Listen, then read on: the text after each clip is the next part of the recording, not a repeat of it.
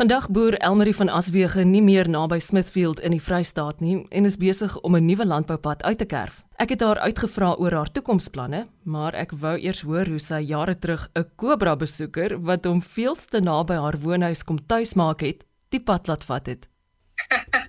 ja, dit was ook 'n episode gewees wat daar was 'n geel slang gewees rondom die huis en ek het 'n Jack Russell gehad. Nare en jy moes nou maar Jack Russell, hulle het mos nie verstand nie hulle het meer hart as enigiets anders. So ek was baie bang hierdie Jack Russell gaan gepik raak deur die slang. Dit was 'n groot slang geweest.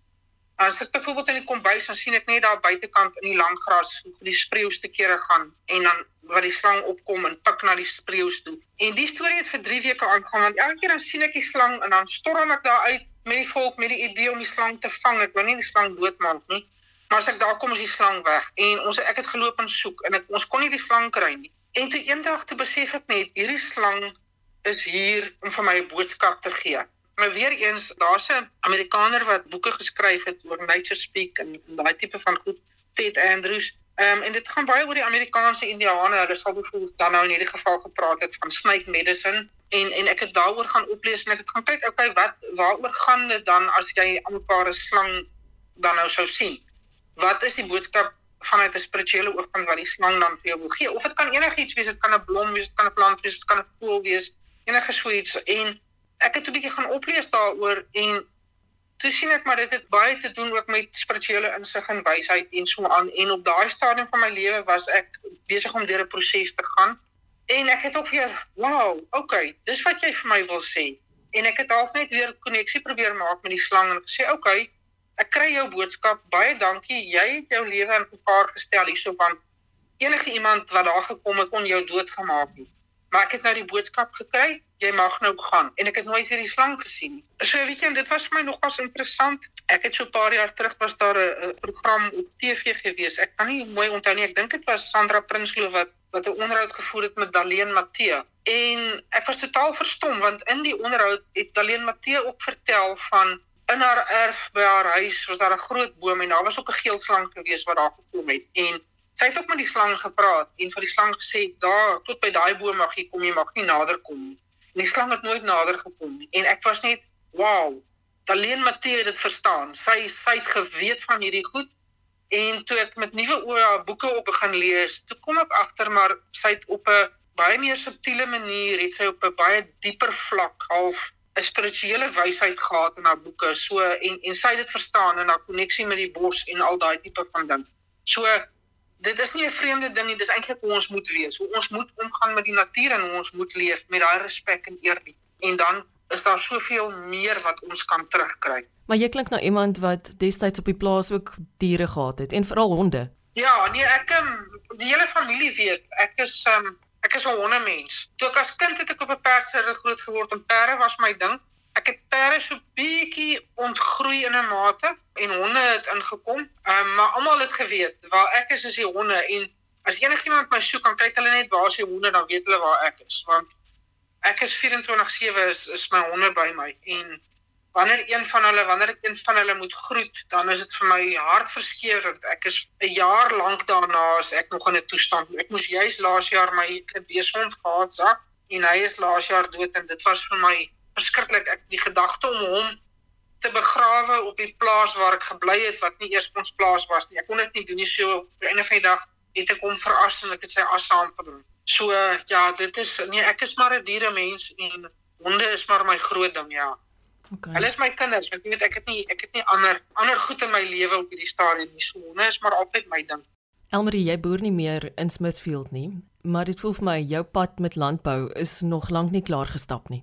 Ja, ek um, ek weet nog nie reg hoe hoe die pad vir my vorentoe gaan loop nie. Ek het idees wat begin posvat in my kop, maar ek begin voel ja, dat dat ek ek het nog baie om te bied en ek dink met waar ons op hierdie stadium in die wêreld is met alles wat gebeur en die skade wat ons as mens aanrig aan die natuur, veral met die groot chemiese maatskappye en goed. Ons ons as mense gaan 'n baie groot verandering moet aanbring en die verbruikers gaan waarskynlik hulle gedrag moet begin verander, maar op die einde van die dag dink ek dit kom weer terug na die grond toe ook want as die grond gesond is dan spoel dit deur na soveel ander dinge toe. Die see sal meer gesond wees. Ons as mense sal meer gesond wees want as mens net kyk na die siekte toestande kanker outisme hartvaskiektes al hierdie goed wat net erger en erger raak en dit wil lyk asof dit toenemend meer is as gevolg van chemikalieë wat in die grond gesit word onkruiddoders en al daai tipe van ding. So ek, ek begin al hoe sterker voel om miskien by 'n meer herlewingslandbou op 'n manier betrokke te raak. Ek weet nog nie presies hoe my pad gaan loop vorentoe nie, maar ek omdat ek die agtergrond het in landbou en en jy's ook het ek baie oor gewonder het hoekom goed en wel ek het die magister in volhoubare landbou gedoen destyds vir my werkskape, maar ek het nog altyd 'n passie gehad vir selfonderhoudendheid en vir om naby aan die natuur en gesond en al daai tipe van ding te leef. En op 'n manier voel ek net dat die pad hiervandaan na vorentoe vir my amper my belangrikste werk gaan wees dat ek op 'n manier 'n baie positiewe bydrae nog kan lewer in landbou, maar ek weet nog nie presies hoe, wat en waar nie en maar ek glo dit sal binnekort vir my duidelik wees wat ek moet doen. Vertel my van hierdie huis wat jy besig is om te bou. Ja, dit is ook ehm um, ek ek was nog altyd ek doen mos nou maar altyd 'n ding op 'n ander manier. En toe die geleentheid nou opkom dat ek nou hiernatoe kon trek en ek vir my nou uiteindelik vir die eerste keer in my lewe regtig my eie plek kan hê want op die plaas was dit mos nou my ouer huis gewees en die plek was gemeubileer dit was nie regtig my plek nie. Moes ek gaan sit en dink okay wat wat wil ek hê? Waar wil ek bly? En 'n gewone baksteenhuis het dit net nie vir my gedoen nie en die Newtek huise was vir my nee dit het ook nie vir my gewerk nie. En die kere wat ek fotos en goed gesien het van daai tipiese Amerikaanse loghuise ek noem dit sommer 'n boomhuis het dit my net, ja, ek sal graag in so 'n plek wil bly. Hier in in 2018 toe dinge nou nie lekker begin uitdraai vir my en ek besef ek gaan die plaas moet verlaat. Het ek gedink ook okay, nou maar waar, wie gaan vir my so 'n huis kan bou? En ewe skielik eendag in my nuusblad hier op op my Facebookblad toe is daar 'n hele ding van iemand in Suid-Afrika wat kursusse aanbied aan dit en ek was totaal verstom geweest. Ek het nie ek het gesoek op die internet en kon niks kry nie en ewe skielik hier verskyn dit. So dit was weer eens vir my daai ding van soos die universe of wat ook al wat wanneer die tyd reg is dan kom die regte ding oor jou pad. En dit is toe iemand in in wildernis wat vir homself 'n massiewe huis gebou het met bloekombome, die stompe van bloekombome, rooi tremba en ek het hom uitgekom en hy bied kursusse aan en ek het die kursus gaan doen Maar ek het besef ek is so bietjie uit my diepte uit want dit is redelik tegnies en ek gaan nie die vermoë self om dit te doen nie, maar ten minste het ek kennis. En toe het nou gebeur dat ek Pearly Beach toe kontrak my RV gekoop. Een van die mense weer eens wat ek geken het van skool daar af, bly in Pearly Beach en hy is 'n bouer en ek het hom so 'n bietjie geboelie en hy het ook die kursus gaan doen en wel daar is dit. Ons is nou al hierdie hele jaar besig om die huis te bou. Ehm um, 'n bietjie gesukkel is 'n logistieke nagmerrie omdat niemand van ons het al ooit hierdie projek aangepak nie en die bouindustrie is nie gerad vir dit nie.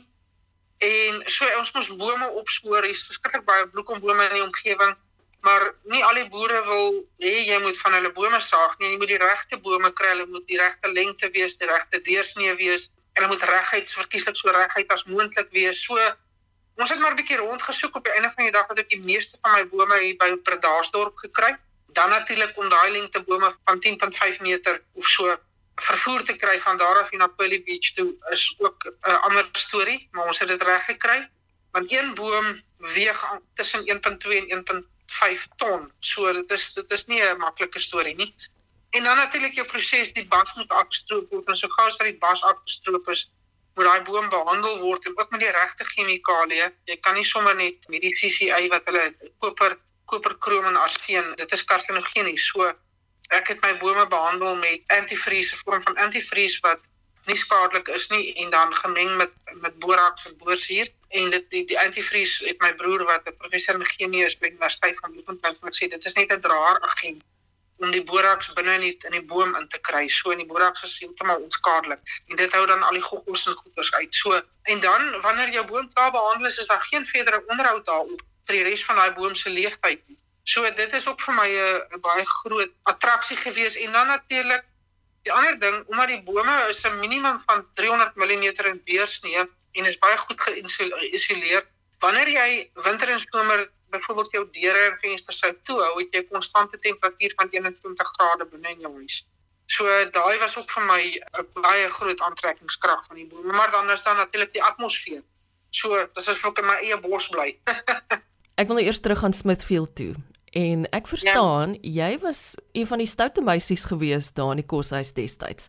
Ja, ehm um, ek het ons het, ek het so paar van ons matriekmaats het besluit ons wil 'n bietjie katteplaat aanvang en ons het toe uitgeslip uit die koshuis uit maar dit was 'n hele sameswering geweest met van die ander meisies en uh toe het ons nou gegaan na die begraafplaas toe maar vier van ons het vooruit gegaan en ek het so 'n brilletjie gehad met eintlik 'n flitsliggie dat aan weerskant van jou oë die liggies het en ek het dit met oranje um, krekelpapier toegemaak dat dit so gloei.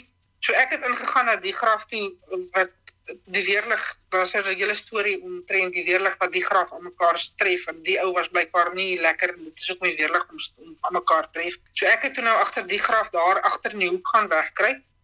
En dan 'n vriendin van my het so wit geval wat geval het so eentjie van my af het, het sy agter 'n lang regop wit grafsteen gaan skuil en toe was daar nou twee ander wat by die ingang van die begraafplaas se hek soos uh, die hunchback en so vermom was en toe die meisies ingekom hulle moes agter in die hoek na die hoek toe kom by die grafsteen waar ek weggekruip het. En toe hulle naby kom het ek my kop net so op die graf gesit en geluide gemaak en daai meisie kinders het heeltemal hysteries geraak en gehardloop na die hek toe en die vriendin met die wit gewaad agterna wat hulle jag en toe hulle by die hek wil uit toe kom die ander twee toe kan hulle nie uitkom nie.